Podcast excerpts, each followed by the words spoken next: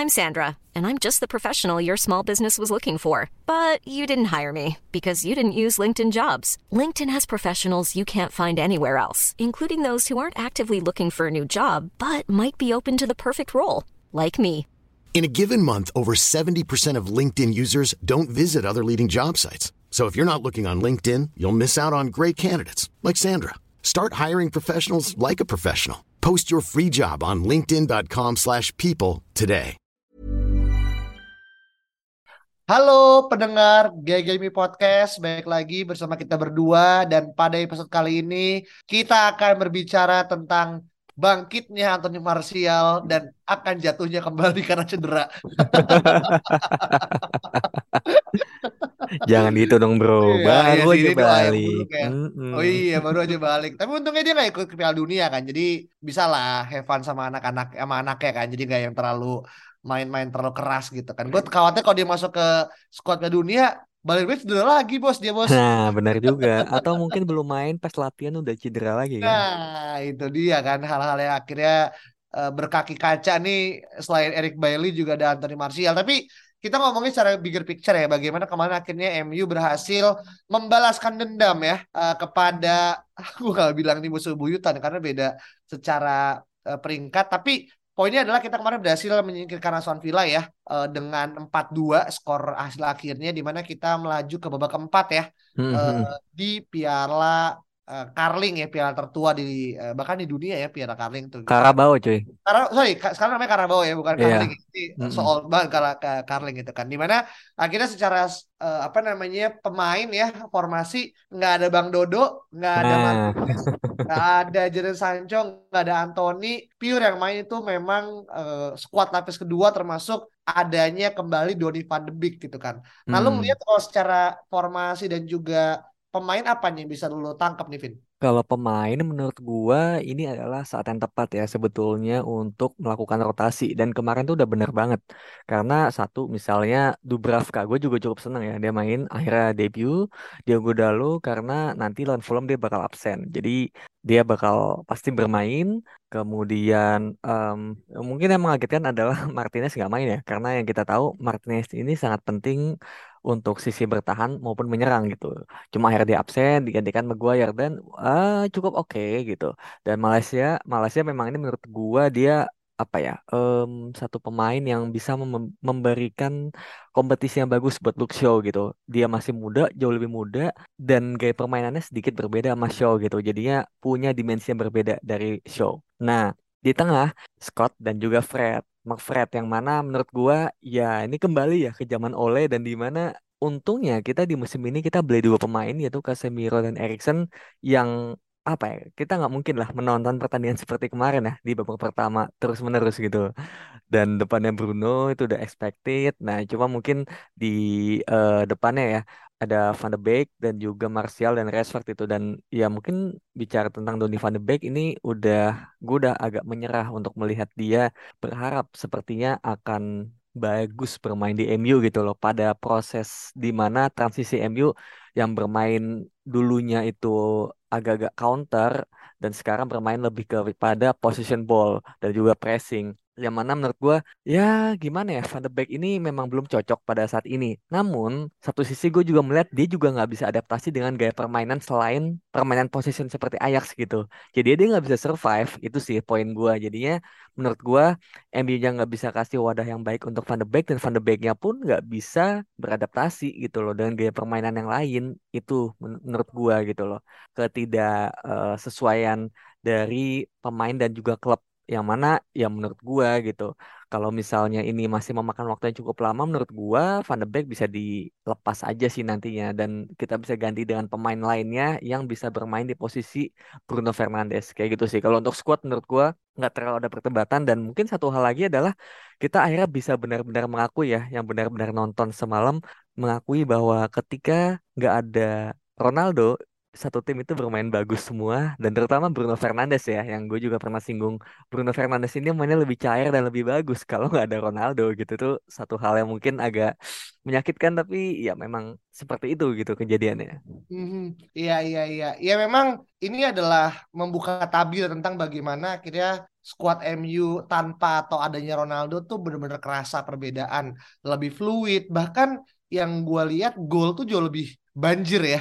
Nah, uh, ketika memang tidak ada Ronaldo gitu. Doesn't mean akhirnya kita kehilangan sosok. Iya kalau as in dia sebagai big influence player. Tapi kalau ngomongin fluiditas maka di ke mana ke depan ya? Bagaimana kira Anthony Martial, Marcus Rashford yang akan bergantian mengisi posisi dan tentu aja our little golden boy gitu kan uh, Ganaja nanti mungkin kita bahas sedikit itu adalah satu hal yang mungkin menjadi ber berkah gitu kan. Dan gue nggak sabar sampai nunggu di bulan Januari di mana akhirnya Bang Dodo harus dengan sangat berhati mungkin akan ya mungkin akan secara apa ya akan mendapatkan penggantinya lah gitu. Gue gua nggak bilang dia harus cabut ya. Gue bilang bilang kita mendatangkan pemain yang akhirnya bisa menjadikan komplementari lah buat uh, Bang Dodo gitu kan. Nah, tapi ngomongin Ronaldo nih ternyata yang kece yang seneng ada yang kecewa juga ada. Yang kecewa siapa adalah Aisho Speed gitu. Karena Aisho Speed terbang jauh-jauh dari Amerika hanya untuk menonton Ronaldo gitu kan. Eh tapi pas Ronaldo dia datang ke Old Trafford akhirnya Ronaldo nggak bahkan nggak bahkan nggak ada di squad gitu. hmm, iya. Ini adalah mungkin mungkin dia apa? tapi kalau misalnya Ronaldo main skornya beda kan. Nah, ya beda bete juga dia. Bener bener. Emang kadang opportunity cost itu. iya. Iya iya iya iya iya. Dan kalau kita lihat ya kemarin sebenarnya um, di babak kedua ya sama persis kayak kemarin pas kita lawan Aston Villa ya. Gol cepat ya lagi-lagi membuyarkan uh, pertahanan MU kan hmm. di mana hmm. Oli Watkins yang menjadi uh, faktor an, apa namanya pemeran antagonis nih. Dari sudut pandang Aston Villa gitu kan ya. Akhirnya menjebol gawang sebelum akhirnya Anthony Martial ya. Dalam hitungan berapa menit ya? 2 sampai tiga menit kan dapat bola bola tap tap in dari Bruno Fernandes gitu kan. Nah, lu melihat akhirnya kedatangan atau reborn ya? Gue nggak ngerti sih dia berapa kayak reborn ya. Keseringan soalnya gitu reborn reborn kalau dia akhirnya baru umur 20 tahun mah nggak masalah. Dia udah 26 tahun ya. Yeah. reborn terus kan bosan juga kadang kita gitu kan. Lu lihat gimana penampilan Martial yang bermain sebagai cameo kemarin? Martial sebenarnya bukan cameo sih. Dia kan main dari awal ya gitu. Oh iya iya, ya, sorry, iya, sorry. Iya. yang dia cameo itu kan Garnacho ya Garnacho, cameo. Kan? betul ya, betul. Ya, Oke, okay. uh, menurut gua Marcel ini main-main ya, cukup sebagai pemain yang vital di permainan MU kemarin dan apalagi Ten Hag juga bicara di media bahwa Marcel adalah pemain yang sangat apa ya, uh, pokoknya cocok lah dengan skema dia. Dia bisa link up play, dia bisa hold up play, dia bisa cetak gol, dia bisa ngepres, dia bisa lari juga, punya speed dan juga uh, intinya dia adalah sosok pemain di depan yang bisa uh, menjalankan instruksinya Ten Hag dari sisi menyerang maupun bertahan.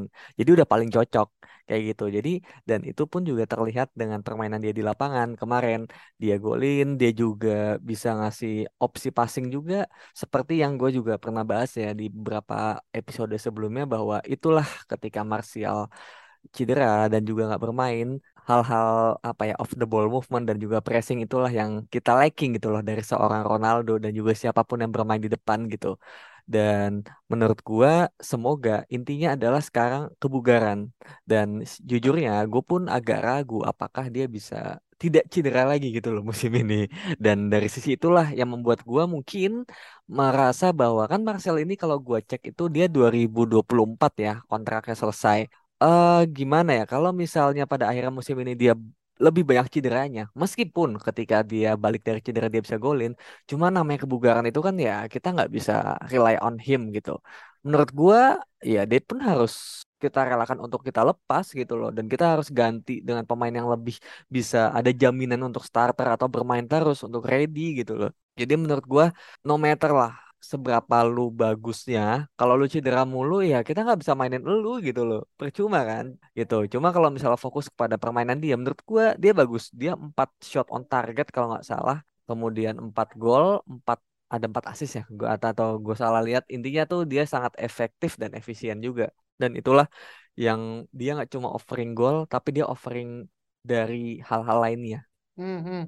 Iya iya iya iya. Dan ini yang akhirnya akan menjadi decision making ya untuk Ten Hag dalam arti apakah kita lanjut atau putus gitu kan. Secara bagaimana kontrak dia juga akan habis ya dua tahun lagi kan. Dan yang paling vital kan adalah dia memakai nomor punggung yang sangat berat gitu ke nomor 9 meskipun kita di MU kan lebih ke nomor 7 ya tapi kan nomor 9 adalah orang yang kita harapkan week in week out main nyetak gol atau dia bisa ngebuka ruang selainnya bagaimana akhirnya pemain-pemain modern ya striker modern itu akhirnya kita missing kan Hmm, dari hmm. seorang Anthony Martial. Menurut gue itu yang akhirnya disayangkan. Kalau secara potensi sih kita semua kayaknya agree ya dia adalah salah satu football apa ya gue nggak bilang football prodigy sih cuman football talent lah ketika di usianya yang akhirnya sangat muda pindah mencetak gol di debut melawan sekelas Liverpool ya siapa yang akhirnya bisa mencetak. Dan dia bermain sebagai cameo ya gitu kan. Hmm, iya, gue iya. adalah suatu hal yang kita selalu ingat gitu kan. Tapi kemarin emang setidaknya dari pramusim dari pertandingan-pertandingan yang emang diberikan dia bisa menuntaskan kewajibannya gitu. Tinggal konsistensi kan yang akan selalu menjadi tantangan buat Anthony Martial gitu. Jadi eh, kita doakan yang terbaik ya karena dia juga sekali liburan kan. Nggak nggak ada ngapa-ngapain. Jangan sampai ketika dia lagi liburan malah cedera menurut gue tuh aneh tuh Kan ada aja tuh cerita. Iya kan? sih itu Ada aja apa cerita yang orang apa iya pemain yang kepleset di bak mandi akhirnya cedera kan? Aduh, itu dia makanya gue khawatir dia kalaupun kalau main bola sama anaknya nggak usah yang hard hard lah gitu. Iya. Jadi supaya akhirnya bisa untuk memberikan opsi di bulan Desember, Januari lah ya kita asumsi karena kan Hmm, hmm. Desember mungkin ada box, gue nggak tahu ya apakah ada Boxing Day juga nggak em, di tahun ini ya karena kan Liga Inggris kan terkenal dengan Boxing Day ya di Hmm, hmm. momen-momen itu kan tapi kita masih menunggu konfirmasi tapi kalau kita ngomongin satu pemain lagi ya yang mana harusnya ada Saung juga nih yang lebih tepat kan Wah. kan terkait dengan Alejandro Garnacho dan beliau itu secara kontribusi dua assist berarti ya. Hmm, benar benar Ya benar. kan assist ke Bruno Fernandes, kesalahan dari lini belakangnya. Terus sebenarnya Olsen sih yang akhirnya salah ya Iya. Hmm. ini kan. Akhirnya bisa dituntaskan lewat kaki bagian luar meskipun kena deflect ya. Saya kedua adalah bagaimana eh, kembali determinator ya orang yang akhirnya kemarin berbuat salah akhirnya ya menembus lah dengan dia akhirnya mencetak gol gitu kan sebagai sealing the deal, seal the deal di menit akhir gitu kan. Nah, lu ngelihat akhirnya Garnacho semakin tumbuh dewasa dan kita baik lagi ya, kita cukup melihat sisi kiri itu lebih hidup gitu. Hmm, Lebih hmm. ada apa ya, mungkin elektriknya lah gitu. Musik Sancho pun juga bisa menawarkan. Karena menurut menurut gue mereka berdua tipikalnya stylish player ya Hmm, yang hmm. akhirnya suka untuk mendribble bola. Cuman kadang karena Sancho juga sekarang mentalitasnya juga mungkin gua tahu ya secara ininya lagi agak turun dan bahkan tidak dipanggil kan ke 23 nama ya ke It's Coming Home gitu kan. Jadi pesan sponsor gitu. Nah lu gimana ngeliat akhirnya? Garnacho kemarin bermain dan memberikan dua assist di bahkan dia bermain dari menit berapa 70-an berarti Iya iya iya.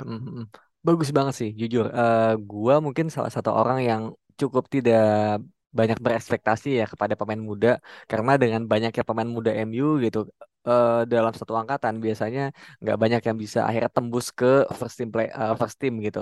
Kayak mungkin dalam satu angkatan itu cuma satu atau paling banter dua lah. Kayak dulu ada Scott kemudian beberapa nggak lama. Atau Rashford dulu ya Rashford dulu kan di zamannya Van Gaal.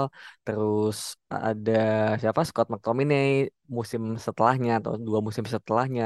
Kemudian ada Greenwood gitu. Sekarang ada siapa namanya? Garnacho gitu. Jadi kayak emang nggak setiap waktu akan ada gitu. Cuma pada akhirnya akan selalu ada satu yang stand out di satu akademi itu di satu um, angkatan itu dan akhirnya bisa mencuat gitu.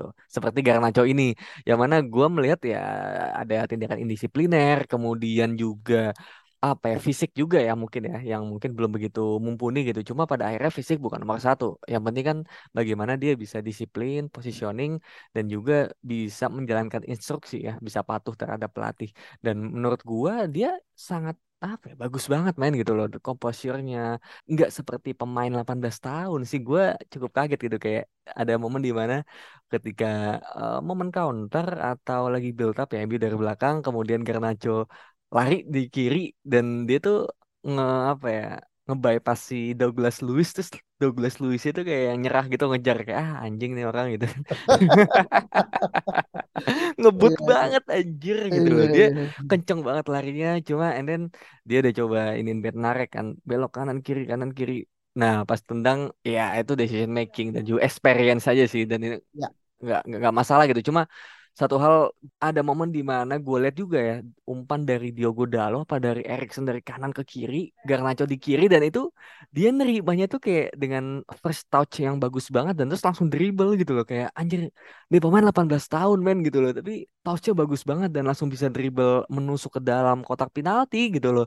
Jadi nggak ada kayak masalah bola lepas lah atau tiba-tiba out tiba-tiba kan gitu atau direbut enggak gitu. Confidence-nya itu tinggi banget gitu nih pemain. Jadi menurut gua ya mungkin cowok lainnya ya yaitu Sancho gitu kayak sebenarnya nggak perlu risau gitu karena dia bisa main di kanan anyway kan gitu. Dan kita juga tahu kita lacking di sisi kanan. Jadi menurut gue ini malah bagus gitu. Kiri kita punya dua Rashford dan juga Garnacho dan kanan kita juga punya dua Anthony dan juga Sancho gitu loh. Jadi menurut gua eh ini kompetisi yang sangat bagus dan gue berharap juga Ten Hag bisa menjaga lah menurut gue ya menjaga hype dari seorang Garnacho ini supaya nggak terlalu over hype dan juga nggak terlalu dimakan media sehingga nanti kalau misalnya dia flop dikit tuh nggak langsung jadi bulan-bulanan gitu sih jadi Hmm. dijaga lah karena banyak pemain muda kita kan dari dulu yang ada yang salah asuh lah ada yang mungkin bermasalah dan kehidupan di luar bolanya gitu jadi Iya, iya. gua gua gua cukup capek sih gitu kayak berharap berharap terus gitu kayak nggak pernah mencapai peaknya pada akhirnya apa yang kita Hmm. inginkan gitu dan semoga kali ini eh, nggak seperti itu gitu kan jadi ya udah udah udahlah yang yang ini beneran jadi bintang lah gua mungkin akan setuju dengan Saung bilang waktu itu ketika nomor 7 mungkin kita proyeksikan ya ke Sancho pada saat itu mungkin sekarang gue melihat Garnacho dengan confidence-nya di usia sekarang, komposisinya juga mungkin dia bisa jadi gitu meskipun tusun ya. Mungkin 2 3 tahun lagi lebih pantas buat pasang nomor 7 gitu. Iya, iya masalahnya kan selama 2-3 tahun kita mau masang siapa tujuhnya gitu. kan nggak mau kita istirahatin dong. Benar. Eh bisa aja. komersial gitu kan. Ya bisa Apakah aja terus sih. Iya masa masa terus Ronaldo yang dijadiin komersial star kan nggak mungkin dalam arti mereka dia Ronaldo pun, pun juga waktu ini adalah perdebatan yang akan seru ya kalau kita ngelihat siapa sih yang layak gitu kan secara histori secara skills potensi proyeksi. Karena nomor 7 kan adalah angka yang gue yakin diperbutkan sama Garnacho Sancho plus Anthony juga gue yakin. Mungkin dia juga ada minat juga ya untuk akhirnya betting on number 7 gitu kan. Tapi we'll see ya gimana akhirnya eh, Garnacho dan bener 18 tahun. Kita tahu ya bagaimana akhirnya mungkin dua orang yang mirip dengan Garnacho di usia yang sama adalah satu tuh Paul Pogba, dua Rafael Morrison gitu. Hmm. Karena dua-duanya udah gak ada di MU gitu. yang satu karena masalah indisipliner gitu karena beliau eh, Morrison ya by the way eh, Hmm, karena iya. ada beberapa hal-hal ya tadi ya karena kenakalan remaja di era informatika gitu kan. Yang satu karena ya tadi banyak banget eh, hal-hal yang akhirnya ini. Makanya kalau tadi Alvin bilang semoga dia tidak terjebak pada hal-hal yang sifatnya lebih duniawi, menurut gue lebih kepada jangan sampai dia punya agen kayak Jorge Mendes gitu.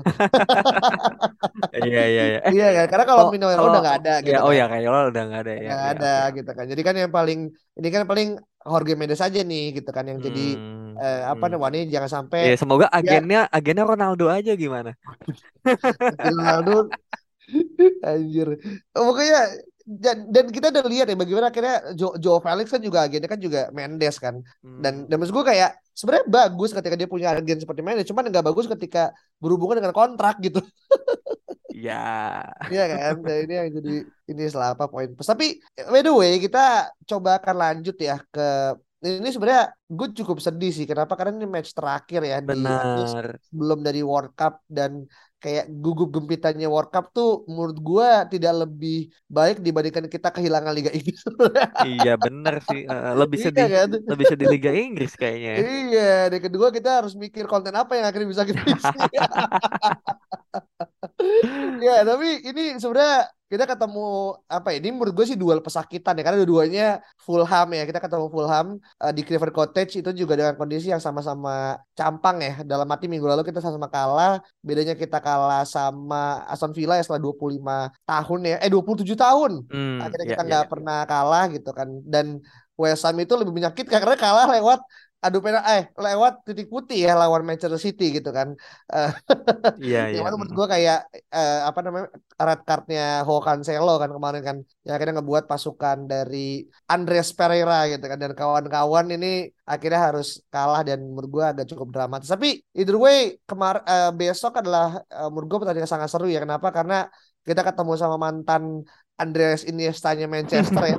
Pemain yang Pirlo, Pirlo. Oh, oh sorry Pirlo, Pirlo, Pirlo, Pirlo yang selalu mencetak gol indah ketika pramusim tapi di ketika main di babak eh, apa namanya season tuh kayak jauh dari jauh panggang dari api gitu. Tapi yang anehnya sekarang Pereira itu masuk dalam kalau nggak saya top 3 dari orang yang akhirnya making creative change gitu kan. At least dari Hmm, sisi iya iya iya. eh, kreatif menurut gue ini gue nggak tahu apa yang terjadi sama Pereira ya ketika kemarin dipinjamkan ke apa sih deh ke Liga Brazil ya gue lupa Hmm, namanya apa ya Flamengo. Flamengo kan itu Hmm. sekarang tuh benar-benar di bawah pelatihnya Fulham yang baru eh pelatihnya Fulham baru pelatih Fulham jadi benar-benar sangat beda banget gitu dan gue Iya pernah iya. nonton Hmm, pas lawan City tuh kayak anjir nih pemain lumayan juga gitu untuk akhirnya bermain di Liga Inggris tapi masih bisa dapet tempat gitu nah lu Hmm. gimana akhirnya ngeliat pertandingan besok lawan Fulham Eh, lawan Fulham itu gimana ya? Satu sisi mungkin satu hal yang gue merasa cukup lega ya adalah katanya Mitrovic ini nggak akan bermain gitu karena Mitrovic ini kan eh, benar-benar ancaman dari sisi atas ya bola atas yang mana dia cukup banyak cetak gol dari situ. Em, jadi dengan kehilangan dia gue nggak tahu siapa striker yang akan bermain gitu. Cuma dengan kehilangan dia, at least bola-bolanya Pereira ini nggak akan serta merta langsung ke Mitrovic gitu dan langsung dimakan habis sama dia. Jadi menurut gue ya itu udah satu hal yang cukup eh, melegakan. Eh, cuma menurut gue ya Pereira ini mungkin levelnya dia bagusnya ya di tim-tim seperti Fulham gitu loh, bukan di tim seperti MU. Iya, ya memang seperti itu gitu loh. Tim MU ini banyak tekanan kan gitu. Main jelek sekali aja langsung dihajar habis-habisan gitu. Tapi kalau di Fulham siapa yang peduli kan? Jadi lu main tuh lebih lega gitu. Jadi menurut gue lebih kepada mungkin mentality dan kemudian ya memang kecocokan aja gitu loh. Lu menjadi vocal player yang kalau lu jelek ya udah nggak apa-apa gitu. Jadinya menurut gua memang tempatnya di Fulham dan ya it's good for him gitu loh. Dan juga ada Daniel James juga kan di sana gitu. Cuma kayaknya ja- jarang main dia gitu. Lah, lu, lu bayangin aja gitu, Daniel James di Fulham aja jarang main. Kok bisa-bisa dua tahun lalu Daniel James tuh starter di MU gitu loh. Bingung kan? dan kita menang derby lawan City di Etihad juga karena Daniel James juga itu kan Benar, benar, iya kan benar. Iya, ya cuma ya udah dah, cuma itu aja kan Eh, gitu. eh, iya. Nggak nggak banyak nggak bisa menawarkan hal lebih dari sisi konsistensi gitu kan. Karena liga itu kan butuh konsistensi kan. Kalau lu cuma satu match doang percuma, lu cuma dapat tiga poin gitu loh. Itu sih. Jadi menurut gua, gua tetap merasa bahwa seharusnya dengan permainan MU seperti lawan Villa kemarin dan juga em, mentality yang dipu- di- kita punya gitu dan apalagi ya kembalinya Bruno Fernandes dan juga Anthony Martial ini benar-benar menjadi uh, poin penting untuk pada akhirnya kita bisa memainkan sepak bola kita yang ya kita tonton selama ini.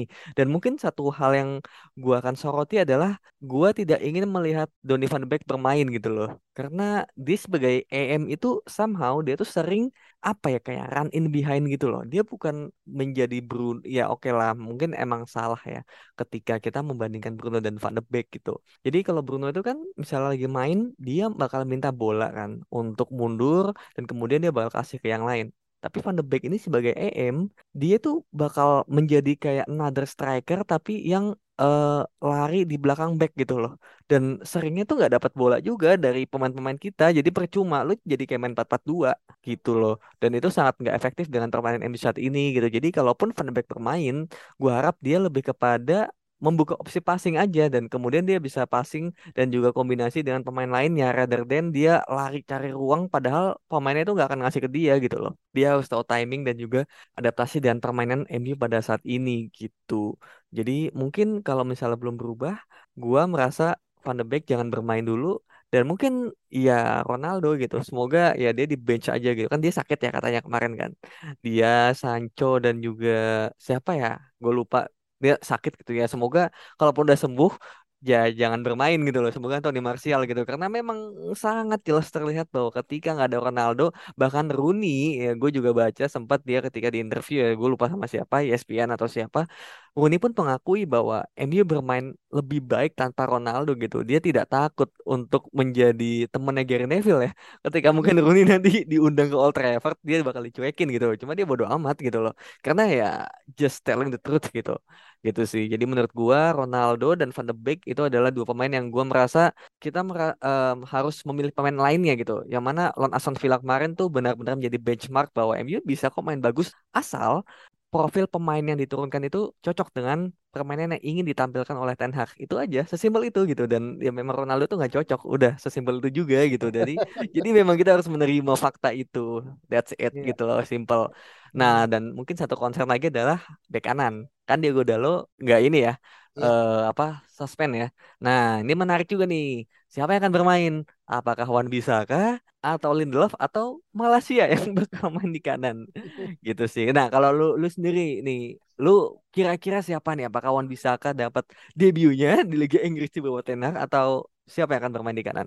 Melihat dari konteks dan juga harmonitas ya yang ditunjukkan sama Ten Hag, gua ngerasa ketika besok itu kan sebuah pertandingan yang akan sangat menentukan at least secara emosional. Kalau kita kalah besok atau tidak bisa securing points, menurut gua MU tuh squad MU akan cabut ke negara masing-masing dengan kepala tertunduk. Menurut gua ya gitu. Karena ini akan sangat menjadi penentu banget nih gitu. Karena kita Hmm. berharap sebelum mereka cabut benar-benar entah mungkin setelah tiup perluit tiup langsung berangkat itu ke mana langsung ke Qatar misalkan contoh ya gitu. Menurut gua securing three points is a very important. Karena kenapa? Karena harus yang di minggu lalu tuh kita mendapatkan poin maksimal di angka 14 Hmm. gitu kan. Cuma karena kita kalah jadi cuma dapat 11 uh, angka gitu.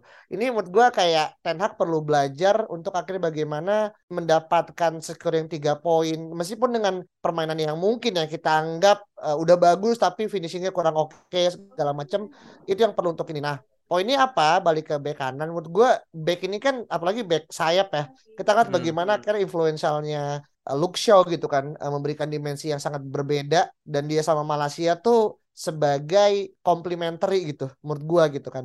Dan ketika harus memilih ya gue jujur lebih milih Malaysia sebagai pemain yang Hmm. akhirnya akan menempati. Kenapa? Karena satu dia pernah dipakai di sayap kanan eh di di bek kanan. Yang kedua gue ngerasa Wan Bisaka untuk turun ke pertandingan yang sangat vital gitu. Itu menurut gue agak terlalu dilematis apalagi kalau misalkan nanti yang main misalkan Anthony Elanga misalkan ya menurut gue tuh kadang udah pasti udah jadi wasteful aja udah. Lu nggak bisa berharap bola kan dari kanan. Itu udah uh, ya satu dia nggak bisa nyerang gitu. Dalam arti dia nggak bisa bantu serangan. Ya depannya juga ya begitu apa yang lu bisa harapkan gitu. Hmm. Anthony Elanga will be another Anthony Valencia aja. Gue nggak kaget kalau dia misalkan gue pernah bilang kan di beberapa musim eh beberapa episode lu Anthony Elanga ini cocoknya jadi RB gitu gua gitu kan. Karena posisi bodinya oke gitu kan. Stamina nya oke kuat gitu kan. Tinggal di poles crossingnya aja gitu. Hmm. Eh, tusukannya udah ada tapi kalau dia harus menjadi front line aduh sayang banget gitu. Hmm. gue pengen lihat dia sama Anthony main bareng jadi gue milih Anthony Elanga jadi kanan Wah, anjir, agak plot twist ya. iya agak plot twist sebenarnya. Awalnya Malaysia tapi ujungnya ke Anthony Elanga tapi itu nggak Hmm. mungkin terjadi ya cuman Iya, kalau iya. sih gue lagi ke ini sih apa Ma- Malaysia dengan pertimbangan itu lu gimana Oke oke setuju sih. Gue juga berpikir sepertinya Malaysia meskipun ada kemungkinan juga Victor Lindelof ya akan bermain di sana gitu. Jadi mungkin Luxio bakal diberikan langsung eh, akses ke depan atau ke tengah gitu. Jadi Lindelofnya nggak terlalu maju gitu. Karena Lindelof juga pernah kan di bek kanan kalau nggak salah lawan Sociedad gitu. Cuma gue tetap berharap gitu. Semoga Malaysia gitu. Kayak gue gue juga mikir gitu. Ada beberapa bek kanan eh bek kiri yang kaki kanan gitu kayak eh, kadang Aspi kan Aspi kan suka main di kiri tuh dulu kan bek Ya. kiri kemudian siapa gitu pokoknya adalah gitu. Nah tapi kenapa kalau misalnya back kiri eh back kanan itu nggak bisa nggak ada yang kaki kiri gitu loh? Kenapa nggak bisa dibalik seperti itu gitu loh? Emang nggak ada atau atau gimana gitu loh? Jadi Iya, menurut gua iya, iya. dengan hadirnya dan semoga bisa ya semoga Malaysia ini bisa bagus main di bek kanan ini bisa menjadi pemain pertama mungkin ya yang mungkin di era modern ini gitu. Yang bisa memperkenalkan lagi pemain kaki kiri yang bisa main di bek kanan gitu. Iya. Mungkin mungkin meskipun ya, gue juga tahu gitu. Ada faktor di mana ketika bertahan lu enaknya kalau lu kaki kanan ya lu main di bek kanan gitu kan lebih enak Benar. mungkin ketika bertahan larinya dan juga lu menghadap kepada pemain sayap yang pegang bola gitu. Cuma kan Iya. ada juga yang tadi gue bilang bek kiri kakinya kanan gitu loh kayak Aspi gitu. Berarti kan harusnya bisa-bisa aja gitu sih. Jadi menurut gua Malaysia gue setuju dan tadi gue juga baru inget ya kalau misalnya Van de Beek di cadangan, Ronaldo di cadangan, berarti kanannya kemungkinan besar ya memang Anthony Elanga sih. Dan apa ya, menurut gua nggak ada pilihan yang lebih baik lagi daripada dia gitu. Daripada daripada Ronaldo yang di depan, kemudian Rashford di kanan, Martial di kiri.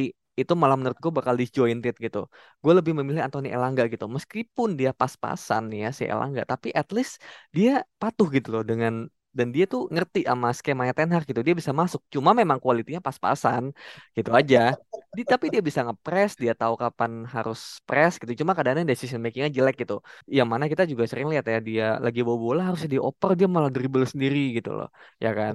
Jadi menurut gua uh, pilihan terbaik ya ada di Anthony Elanga sih karena nggak ada pemain lain yang bisa bermain dengan skema Ten Hag lebih baik lagi di Hmm. antara yang fit pada saat ini gitu loh. Iya, iya, iya. Ini sebenarnya gue gue takutnya tuh kayak jadi kayak pilihan terburuk dari yang ter dari yang ada gitu kan. Eh tapi poinnya sih memang em, sayap kanan, eh, flank kanan yang lebih tepatnya itu akan gue nggak tahu ya akan kapan selesainya karena kan juga kita punya potensi untuk membeli bek kanan kan di bulan Januari di mana nama-nama kayak Frimpong terus juga mungkin ada apa Gustamelo ya Hmm. dari Liga Liga Prancis kan yang akhirnya na- namanya ya masih santer lah. Eh, bahkan di Liga di even di IPL pun nama-nama kayak kita masih punya Ethan Laird masih ada nama-nama kayak Brandon Williams yang mungkin bisa menjadi konsiderasi. Meskipun gue baca karena konfirmasi kalau Brandon Williams lagi cedera ya kepalanya ya ketika kemarin gue juga nggak tahu nih setelah dia kemarin viral gara-gara ngebeliin bapaknya BMW selanjutnya udah nggak punya udah nggak ada story Iya. lagi gitu. Gue nggak ngerti apa yang terjadi gitu. Tapi dengan apa yang lo bilang kayak back sayap kiri eh back kiri kaki kanan tuh ya William kan juga gitu kan. Kalau mau crossing kan Iya. harus harus ngepot dulu kan gitu.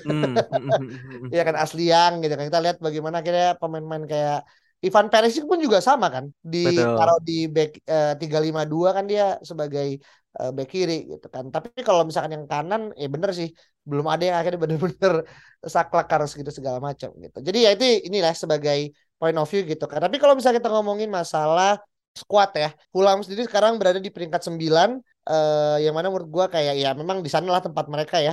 Eh maksudnya di papan tengah gitu kan. Dan Marco Silva menurut gue sih so far oke ya dengan Fulham gitu kan. Ketika kita sekarang kita ngelihat eh, secara apa namanya form Fulham itu menang dua kali seri dua kali kalah dua kali dari enam matches gitu kan. Yang mana menurut gue not bad gitu untuk untuk eh, Marco Silva. Yang sekarang juga ada Willian ya. Eh iya kan kalau lo ingat dulu kita pernah hampir mendatangkan Willian di era Jose Mourinho kan.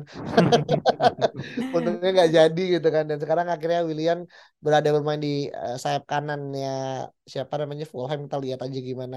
Nanti nah paling eh, terakhir kali kita ketemu itu sama Fulham itu cukup lama ya. Di bulan Mei tahun 2021 itu ketika kita seri satu-satu di Old Trafford yang cetak gol adalah Edison Cavani. Cavani gitu Iya, kan. Iya mm. kan? Eh, dan bahkan kalau kita ke Caravan Cottage itu lebih lama lagi di Januari 2021 gitu kan di mana kan kita eh, menang dengan skor 2-1 lagi-lagi Cavani dan juga Paul Pogba yang akhirnya mencetakkan gol setelah sebelumnya Adam Lokman yang akhirnya eh, bisa scoring one apa namanya eh, gol pertama gitu. Tapi ya ini adalah eh, apa ya lawatan yang tidak boleh dilewatin ya asik lawatan yang tidak boleh dilewatkan itu terimanya masuk tuh gitu. Tapi lu ngomongin masalah terkait dengan eh, secara keseluruhan deh gitu. Kira-kira chance untuk akhirnya kita bisa securing three points sembari juga melepaskan pemain-pemain kita ya. Kalau nggak salah ada berapa ya? Kalau nggak salah 11 atau 12 orang ya yang main MU akhirnya eh, ikut World Cup ya, termasuk di Inggris sudah tiga kan, Eh, Hmm. Rashford, Shaw sama Maguire gitu kan dan eh, kompilasi-kompilasi lainnya gitu. Lu lu gimana? Eh, chance untuk akhirnya kita bisa eh, mendapatkan tiga poin besok? Eh, ketiga poin ini sebenarnya sangat possible, sangat visible juga untuk bisa didapatkan dengan eh, permainan yang sangat baik juga.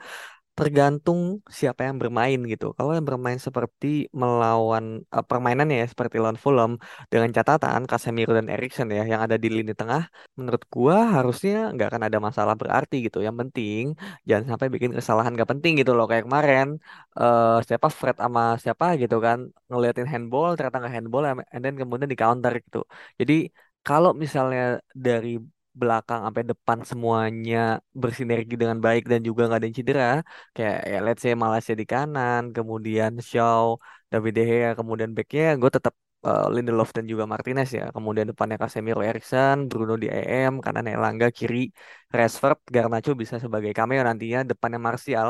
Gue sangat pede bisa tiga poin gitu kayak gol pada akhirnya tinggal menunggu waktu dan juga seberapa klinis MU pada pertandingan itu dan semoga klinisnya seperti melawan Villa tadi pagi gitu.